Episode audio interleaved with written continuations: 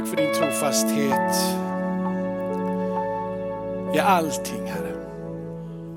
Omständigheter och situationer och livet generellt det förändras men eh, du är densamme. Den du säger att du är, den är du. För oss 24 timmar om dygnet, sju dagar i veckan, alla dagar om året. In i den andliga verkligheten är du från evighet till evigheten samma. Oföränderlig. Odödlig. Källan till allt bestående i dig själv, inte i behov av något eller någon. Så eh, förunderligt gör du oss beroende av dig. Men inte av tvång Herre, inte utav att du lägger ett ok på oss. Du bjuder in oss och vi kan gensvara och vi här idag, vi vill gensvara. Vi säger här är vi. Möt med oss. Och vi säger som profeten Jesaja, sänd mig. Låt Linnéakyrkan, låt folket här få gensvara Herre. Rör vid våra hjärtan så vi kan gensvara och bli de här orrar. De som ska ropa ut och proklamera. Inte sitt eget evangelium men ditt evangelium. För ditt namns skull. För all ära tillhör dig. Fader, Son och den heliga Andes namn. Amen och amen och amen och amen. Varsågoda och sitt ner om ni kan. Det finns en stor skillnad mellan, mellan Roger och, och mig. Och eh, det, det, är så här att jag vet att du tänker rätt mycket på träning. Ja, det gör jag också. Tänker väldigt mycket på träning. Däremot så går jag väldigt sällan och tränar. Roger, du går ganska ofta och tränar. Eller hur? Och det har vi sett det senaste året som, som jag har lärt känna dig så har jag sett dina, dina biceps växer ju. Och, och, nacken växer. Och som mål har du att till hösten, ta o, eller till innan jul, ta oförskämt eh, mycket sånt här. Eh, han, kan, han kan snart bära oss allihopa. Så här, det, är makalöst. Där Jag kan lova dig att jag tänker ganska mycket på träning också faktiskt. Och jag, jag pratar ganska mycket om det. Eh, däremot så tränar jag inte. Och det, det syns. Eh, nu är jag ju ganska stor. Sådär. Men jag är, ju, eh, jag är ju inte tränad. Jag har ju inte varit på, på, på gymmet till exempel sen jag var 21 eller 22 någonstans där. Så, så det, liksom, det, är många, det, är många, det är många år tillbaka sen, sen jag var där. Eh, eh, och, och, lite av det här är det faktiskt tillsammans med Gud. Ofta så tänker vi väldigt mycket om Gud. Eh, men Paulus, när Paulus undervisar om Gud så säger han så här, tänk på detta. Jag ska, vi ska läsa några bibeltexter sen och ska förklara mer. Han säger tänk på detta eh, och sen så ofta versen under så sen och gör detta. Så han, så han uppmanar dig med att tänka och sen så uppmanar dig att göra. Och det är det som är felet med, med mina muskler. Eh, så ska jag vilja eh, inleda den här predikan med, förra, för, förra söndagen så pratade vi eh, om ett rent hjärta, så ska du se hur vi var inne i salighetsprisningarna. Och eh, sen så, så eh, pratade vi om att du blev frälst och det har inte du gjort någonting om. Och sen så att eh, för att andligt växa så behöver du ha en, en, en röjsåg i ditt liv. Du behöver röja bort hinder. Behöver röja bort saker och ting som står i vägen. För Gud vill att du ska se honom. Han uppmanar dig att när de renhjärtade, sök ett rent hjärta. Försök att rena dig för då kan du få se mig liksom, och du kan få möta med mig. Så röjsågen behöver vara, vara där. Och i, i, i det som är den andliga tillväxten så pratar vi om att det är nästa steg i det, det är att eh, få upplysning Eh, det vill säga ordet, kunskap, insikter, att man tillsammans hjälps åt att komma vidare på sin resa. Eh, först och främst inom Bibeln och i närheten till den helige Ande, men också utav goda råd från vänner och stå tillsammans. Och det som händer då eh, enligt de här eh, farbröderna som finns bakåt och klassisk undervisning genom kristen eh, historia och i kyrkorna är att vi då ska förenas med Gud. Att vi då ska få möta honom och, bli ett med honom. Så, så, så, det var vi inne på förra veckan. Och, grunden till det, varför tände mitt, mitt hjärta var för att det står om om världen ska se att Gud finns i församlingen så behöver vi ha ett rikt andligt liv. Eh, det var en mening som kom över mig och som jag läste någonstans och då kände jag bara att där, där är det. Ett rikt andligt liv gör att världen ser vem Gud är. Därför så behöver vi söka detta rika andliga liv. Ehm, så eh, eh, därför så är det inte bara att vi sätter våra tankar till det. Vi behöver, behöver göra någonting. Eh, när, när, när man städar, jag hoppas att ni alla får uppleva denna, denna härliga dygd och, och, och övning eh, på det. Liksom, det blir en övning som ger en dygd. För, för, för, för det är ganska besvärligt att städa. För varje gång man har städat så får man alltid komma tillbaka till ruta ett. Ibland så tar det en dag. Om man har barn så, så går det på en kvart. Men du kommer alltid tillbaka till ruta ett för du får börja där du slutade. Du städar och sen så sker någonting och så får du helt enkelt bara börja om och så får du städa. Så du blir aldrig klar med att städa. Aldrig någonsin klar med att städa. Det, det, det, är någonting som hela tiden du får börja om med. Och det vore väldigt skönt om det var så att du städar en gång och så behöver du aldrig någonsin städa. Eh, det är inte så, utan börja om. Och så är det med ditt andliga liv. Att det, det, är bara för att du, alltså du blir frälst och ingenting till det. Men när du börjar din process tillsammans med Gud så säger man, men det här har jag kommit igenom. Det här har jag tagit med Gud. Nu, nu är jag, nu är jag liksom redo för, för nästa steg och så är jag redo för nästa steg och så för nästa steg. Men det som är dygd, för vi ska vara inne på det ordet lite grann här idag. Och det som är övning, för, för övning, eh, alltså när du disciplinerar dig och när du gör någonting så, så händer någonting. Till exempel du tränar mycket så händer någonting, musklerna växer. Så när du övar dig på någonting så ger det vad Bibeln säger dygd. Och så tar du att man tänker rätt, rent och, och sådana här saker. Då, va? Och då, är det ju, då, då ligger det till så här att när man då har kommit en bit på resan och så, så, så råkar det bli smutsigt i huset igen så man måste gå tillbaka och städa. Så är det ju faktiskt så här att det går ju liksom inte bara, men jag städade ju eh, liksom vardagsrummet och så tog jag, tog jag liksom sovrummen och nu så känner jag att nu är det smutsigt men jag struntar eh, liksom i vardagsrummet, jag bara, bara kör sovrummen.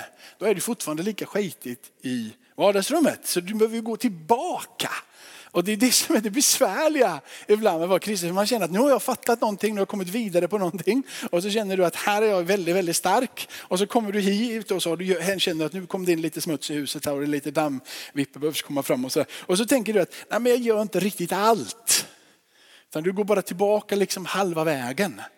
Men du behöver gå tillbaka i ditt kristna liv till ruta ett. Så man inte fastnar i, i, i, någon form av högmod eller man fastnar i stolthet. Man fastnar i att jag behöver liksom inte, inte det, för jag har gjort det där en gång. Jag måste tillbaka. Och en sak som jag ska försöka lura era huvuden lite här nu. Och eh, för, för att vi ska kunna förstå vad det är jag är ute efter. Och det är det så här att, att lögn Ehm, varför finns lögn? Och det kan du gå tillbaka i Bibeln och läsa. Det finns något som kallas för lögnaren. Och han vill, vill liksom vilseleda och förvränga allting. Den onde där. Men frågan är, nu, den, den, det finns lögn för, för lögnaren finns. Så frågan är varför ljuger vi? Varför i hela vägen ljuger vi? Och eh, när vi ljuger så är det lite, det är lite lurigt det här. För Eh, det är, de säger de, de visar, eh, som har funderat mycket på det, men det finns egentligen två källor till varför vi ljuger. Och det är rädsla och det är stolthet. Rädsla och stolthet, dessa två saker är grunden till, är grunden till all lögn. Så, så, eh, och nu tänker du så här att ja, men jag behöver ljuga lite för att komma undan. Men det är inte den typen av lögn som jag vill prata om, utan jag vill prata om den här lögnen istället. Att du faktiskt inte vågar ljuga för eh, att du är rädd att bli påkommen. Är det en dygd? Är det något ärofyllt? Så jag, jag, så nu händer någonting här och jag skulle lätt kunna ljuga lite grann men jag vågar inte ljuga för, för Ingrid. För att om jag ljuger för Ingrid och sen blir påkommen så är det inte bra. Så, så, så jag helt enkelt försöker eh, vårda mitt liv. Inte för att jag fullt ut är förvandlad, men för att jag inte vågar ljuga för att bli påkommen. Och det som, är ni med? Är det, är det krångligt? Det är inte så krångligt för att till exempel Torbjörn körde sitt vittnesbörd i torsdags här. Och Torbjörn, vår förra vaktmästare, han har slutat här. Det var fantastiskt vittnesbörd. Vi skulle spelat in det så att alla fick höra det. Men, men han drevs utav olika saker i sitt liv som gjorde, var destruktivt och hat var en stor del av detta. Och han bestämde sig så många gånger att de här sakerna som han gjorde som var fel, som att slåss och, och han tog lite droger och liksom alla den här, till och med suttit i fängelse vid något tillfälle här. Och alla de här sakerna. Ja, när jag får barn, sa han, när jag får barn, då ska jag sluta med allt. Och så fick han barn. Kraften att sluta fanns inte där ändå. Utan han fortsatte med det beteendet som gjorde att det bara blev sämre och sämre.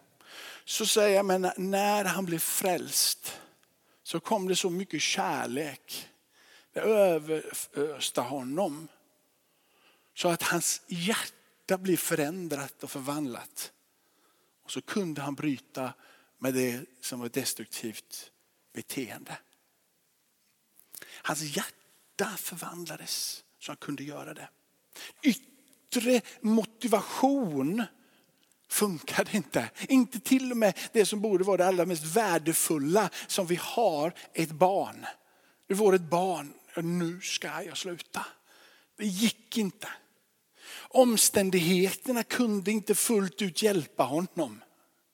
Lika lite som omständigheterna för dig som är kristen, när de är dåliga, behöver förstöra för dig. Om positiv omständighet, jag får barn, det borde kunna bli den största motivationen till att förvandla mig. Det gick inte för hatet var så stort. På samma sätt för dig som kristen, en dålig omständighet borde inte få dig att tappa blicken. Utan komma ihåg att när kärleken från Gud svepte in i ditt liv så fanns all kraft till ett förvandlat liv där. Så nu så vågar inte du eh, ljuga för att du, för att du är rädd att bli påkommen. Men egentligen är du inte hundra procent förvandlad på insidan. Du har liksom lärt dig vad som är bra och du har lärt dig att göra saker som är rätt.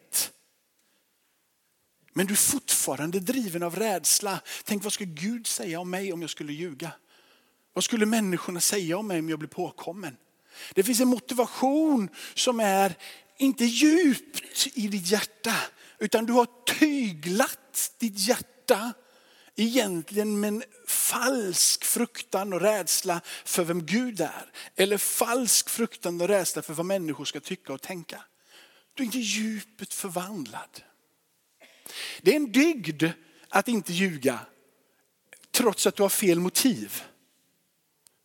Men det är till Guds ära när du inte ljuger för hans skull. Är ni med mig?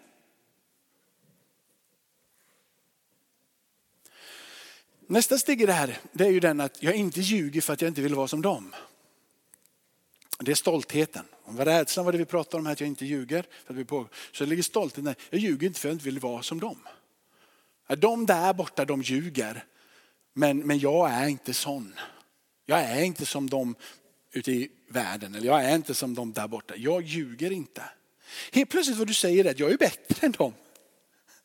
Har du, och, och, och, du liksom säger, jag gör det här av, kanske av egen kraft och egen vilja. Jag har tyglat mitt hjärta så att jag gör någonting som är rätt och riktigt, som är ärofyllt för Gud på ett plan. Men du gör det för att du egentligen inte vill vara som dem. Är vi förvandlade då? Nu vet att när du njuter av, vi, vi säger, nu är inte jag så fascinerad av det, men de här solförmörkelserna och grejerna, blodröd himmel och sånt där. Eller du, du är helt fascinerad utav det här. Och när du står och tittar på det här så är det inte någonting annat än det du har. Det kan inte ge någonting annat än just det. Så när du förundras över en, en, vi säger en, en, solnedgång och du blir helt tagen av den solnedgången, det är fantastiskt. Det, det finns inget mer. Det är det. Det är så Gud vill att du ska bara vara med honom. Det är så Gud vill att du ska bara se på honom. Det finns liksom inget jag vinner på det, eller jag förlorar på det, eller jag kommer vidare, kommer bakåt. Utan han vill att du ska stanna av, precis som framför en soluppgång. Det är inte mer än så, men det är så stort. Så vill Gud att du ska ställa dig framför honom och bara säga, Gud. Ska vi läsa några bibelord? För jag ska utmana dig att försöka arbeta på, på det som är dygd och övningar för att du ska bli eh, vad Bibeln kallar en mer frälst. För Paulus säger arbeta på er frälsning. Men om man ska arbeta på sin frälsning, om man har i grundbotten gör det för att man eh, antingen är rädd för vad människor ska säga eller för att man gör det för att man är stolt för att man inte vill vara som dem, så är inte motivationen den rätta. Ett förvandlat hjärta utav Gud är det som ska driva dig och mig in i hans närhet. Amen. Så vi läser fyra stycken texter från, från Filipperbrevet och eh, från kapitel 2 och vers 12. Eh, därför mina älskade, ni som alltid varit lydiga, inte bara när jag var hos er, utan ännu mer nu när jag inte är hos er. Och det kan bara, för att du ska komma ihåg detta, eh, för dig som inte är så bibelvan, att detta, detta är skrivet av Paulus. Paulus skriver till församlingen i Filippi i, i, i Filippi när han kom dit på sin andra missionsresa och grundade församlingen i Filippi så eh, blir det så här att han predikar evangelium eh, och går till ett böneställe först där och så blir Lydia, en kvinna, blir frälst och sen så driver han ut en spårdomsande från en slavflicka och när han driver ut den här anden så, så blir det lite upplopp och då blir Paulus piskad och så blir han, blir han fängslad tillsammans med sin kompanjon.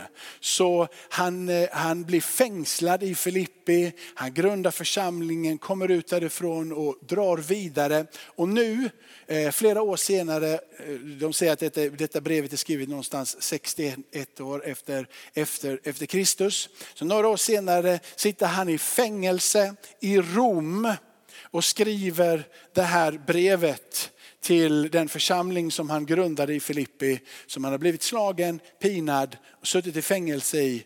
Eh, och så uppmuntrar han dem med tro, Eh, han uppmuntrar dem att ta ett steg i handlingen. Han pratar om självuppoffrande liv. Han pratar om att leva ödmjukt inför Gud. Han pratar också om att eh, kunna vara glad och ha glädje i sin frälsning mitt i allting det som är ett problem. Så väver han samman detta på ett fantastiskt sätt. Och då så säger han, arbeta med fruktan och med bävan på eran frälsning. För det är Gud som verkar i er. Både vilja och gärning. För att hans goda vilja ska ske. Gör allt utan att klaga och tveka. Så att ni blir fläckfria och rena. Guds oskyldiga barn mitt i ett falskt och fördärvat släkte. Där ni lyser som stjärnor i världen när ni håller fast vid livets ord. Då blir ni en ära för mig på Kristi dag. Och jag har inte kämpat förgäves eller arbetat förgäves. Det är Paulus hälsning där till dem. Ehm, för det första så han, hålla fast, hålla fast vid ordet. Eh, och tillbaka när vi var där från vers 13-14 att du måste arbeta på din frälsning. Och så står det i nästa mening Guds, så att Gud kan göra sitt verk i dig egentligen. Att han verkar med sin vilja. Så när du kommer vidare i ditt kristna liv så är det på grund av att du har tagit ett steg och sen att Gud gör sitt verk. Så du kan aldrig komma till att titta vad duktig jag är. Jag kan göra det här med mitt kristna liv. Jag, jag är ren från det här och jag kan fasta och jag kan, liksom, jag kan göra jättemånga kärlekshandlingar. Jag hjälper varenda fattig som finns. Om det är så att du uppfyller någonting av det som Kristus uppmanar dig att göra så är det för att du har satt din vilja till och för att Gud har verkat över ditt liv. De två står hela tiden i balans mot varandra. Du behöver gensvara men Gud verkar. Framåt är, är, är här, då står det så här i kapitel 3. Inte så att jag redan har gripit det eller jag har redan nått målet. Men jag jagar efter att gripa det eftersom jag själv är gripen av Kristus. Så han lägger hela sin längtan att vilja framåt, fokuserat inte på sin helgelse, inte på att de ska bli bättre, inte på att de, utan på en enda sak, på Kristus.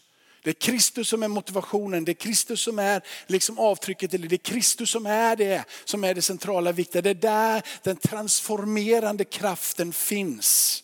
Kristus. Så han säger, jag har blivit gripen så jag griper efter det. Eh, jag menar inte att jag har gripit allting än, men ett gör jag. Och så säger han, jag, glö, jag, glömmer det som ligger bakom och jag sträcker mig mot det som ligger framför. Jag jagar mot målet för att vinna segerpriset, Guds kallelse till himmelen i Kristus Jesus. Och så, så bör vi tänka. Så bör vi tänka. Vi som är mogna och tänker ni annorlunda i något avseende så ska Gud uppenbara också detta för er. Och så kommer det, låt oss bara hålla fast vid det vi har nått fram till. En, en uppmaning att tänka men också en uppmaning till att hålla fast vid. Att faktiskt det är din goda vilja som behövs här. Du behöver ta tag i det. Det förvandlar dig inte bara för att du tänker, funderar och någonstans skulle vilja. Utan du behöver lägga din vilja till det. Eh, nästa, nästa text. Så för övrigt bröder, ifrån vers 4. Allt som är sant, värdigt, rätt och rent. Allt som är värt att älska och uppskatta. Allt som kallas dygd och förtjänar beröm. Tänk på allt sådant. Det ni har lärt och tagit emot, hört och sett hos mig, det ska ni göra. Då ska fridens Gud vara med er. Och det som kallas dygd, förtjänar beröm. Tänk på allting sådant. Tänk på detta, fundera över det här. Och det ni har lärt, tagit emot, hört och sett, säger han, det ska ni göra. Han tar inte bort att du och jag behöver lägga någonting till. Vi ska fokusera vår värld på det som är ärofyllt ifrån Guds ögon. Men han säger, detta ska ni göra. Ni måste föra riket framåt. Ni måste föra er egen frälsning framåt. Arbeta på er frälsning. Och så har vi en vers till och i detta så säger han, jag vill att ni glädjer er alltid i Herren. Än en gång säger jag gläd er. Han säger inte att omständigheterna är det som ska leda dig och mig till ett förvandlat liv. Nu går det bra för mig och det ska jag förvandla, eller nu går det dåligt. Så nu ska jag förvandlas och förändras. Han säger egentligen, nej, gläd er i Herren under alla omständigheter. Själv sitter jag i fängelse. Själv har jag genomgått det här och det här, men jag fokuserar inte på det som är runt omkring utan på Kristus. Och det är ditt och mitt mål. Okej, okay, nu har jag kommit till min inledning. Men nu har jag lågt takten till nästa gång, så, det, så vill du komma nästa söndag så blir det en del till. Det hänger ihop förra söndagen, denna söndagen och nästa, nästa söndag. Eh, men, men eh, vad är dygd? Vad är dygd för någonting? Eh, det är ganska ärofyllda ord och han skriver till församlingen i Filippi. Och vi pratar nu liksom romarriket, vi pratar hela den grekiska liksom, eh, andedräkten som går ut i varenda liten sak. Vilket vi måste gå tillbaka och förstå när han nu också skriver på grekiska vad de grekiska filosoferna sa vad dygd var för någonting. Och eh, eh dygd enligt de här eh, grekiska filosoferna som eh, utnämnde fyra stycken kardinaldygder, det som var grunden för allting annat. Och, utav, och detta är det vishet, det är mod, du har eh, rättrådighet, det vill säga rättvisa. Och, eh, och eh, du har måttfullhet ett, ett, eh, eh, en vishet, att liksom söka vishet är en dygd. Och det är en, väldigt, liksom en, en av de högre dygderna. Och att, att, att sen då eh, ha mod är en, en dygd. Att inte leva i fruktan och rädsla utan vara driven. Det är en, det är en, det är en, hög dygd. Du har måttfullhet som ett annat måttstock och i det. Sen så kom den kristna resan och vad, vad den kristna dygden är. De började med att utveckla dem till tro, hopp och kärlek. Så, så de första tidiga liksom, kristna dygderna det var tro, hopp och, och kärlek. Och sen vet ju vi att det går vidare in i det som Galaterbrevet 5 säger. Och Galaterbrevet 5 talar ju om kärlek, glädje, fri, tålamod och så vidare. Alla dessa nio stycken där. Och så har du en helt spann med olika saker som vi ska tänka på, som vi ska sträva efter. Arbeta på våran frälsning. Det är det som ligger i kraften, inte att säga nej till det som är där, utan säga ja till Kristus och låta det vara den förvandlade motivationen för att söka kärlek, glädje, frid, tålamod och så vidare. I det så pratar Paulus om att det finns andliga saker som ni behöver för att sträva dessa, dessa, dessa gåvor. Och det finns en gåva från, given av Gud, en, en, en vishetens gåva. Det har inte med att du bara söker allmän vishet och kunskap utan det finns en given gudagåva. En nådegåva som du inte kan eh, erövra genom att arbeta tjäna utan en gåva som ges fritt när du tror på Gud och han fördelar det i sin församling. Och när du läser de här nio stycken gåvorna som Paulus talar om, finns säkert fler liksom om, du, om du tittar fram och tillbaka, men han specificerar nio stycken i första Korinthierbrevet. Där slutar det med någonting som heter andlig urskiljning. Andlig urskiljning. Och eh, därifrån så har jag byggt min predikan och eh, vi skulle vilja kalla det omdöme. Att du har fått ett omdöme, både rent naturligt men du har också fått ett andligt omdöme. Du har fått en andlig förmåga för att du har Guds ande på insidan att ha ett omdöme om vad som är bra och vad som är dåligt. Att du har fått en, en måttfullhet som då grekerna skulle säga. Du har fått ett, mm, mm, en förståelse av vad som är måttfyllt, vad som är bra. Så att du inte sväjer iväg för mycket till vänster eller för mycket till höger. Utan har en balans i ditt liv så ditt liv fungerar. Det vill säga så här, oh, jag, vet, jag vet att som kristen så ska jag fasta. Och så får du tag på det, så här, nu ska jag fasta i 40 dagar. Jag har aldrig fastat innan och så bestämmer du dig för att du ska fasta i 40 dagar. Så kommer det gå fyra minuter och så kommer du tänka på mat. Så måttfullheten när du går in i första bön och fasteperioden i ditt liv är ju inte 40 dagar utan det är ju börja där, där du är och ta det steg för steg. Måttfullhet är ju att inte kanske ha för hög bekännelse här och bekänna sig till alla änglar, uppenbarelser och syner. Utan börja i det måttet som är du, där du är. Så, är du med? Så att, så, och Gud säger att det här omdömet, det vill han ge oss.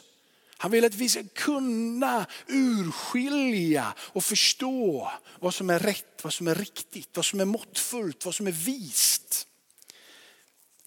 Så vi måste därför lära oss dygd genom övning. Och här har, de, här har de visa männen pratat, vad är den rätta dygderna för att bevara sitt liv ifrån det som vi pratade om förra veckan. Hinder, det som är fällor ifrån djävulen och det som är ditt eget huvuds fällor.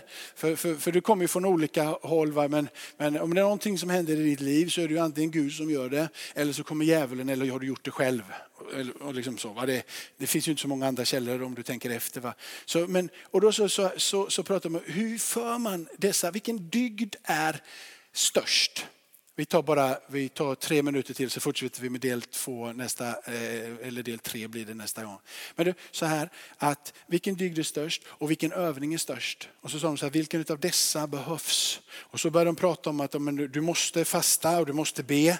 Du måste göra kärleksfulla gärningar. Du måste, eh, eh, och så sa de alla de här, dessa saker och dessa, denna, var någon, denna är den högsta. Det är att, att vara stillsamhet, ensamhet. Dessa är de största. Gör du inte dem så kan du inte erövra dygderna, då kan du inte komma in och få, få, få bort dessa hinder i ditt liv. Och så var det en som sa att alla de här dygderna som vi pratade om i kristen tro är viktiga och nödvändiga.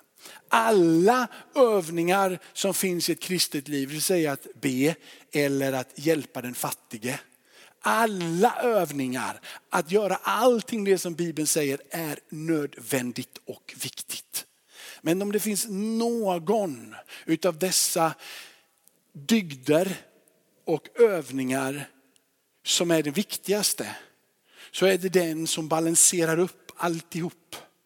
Och det måste vara omdömet.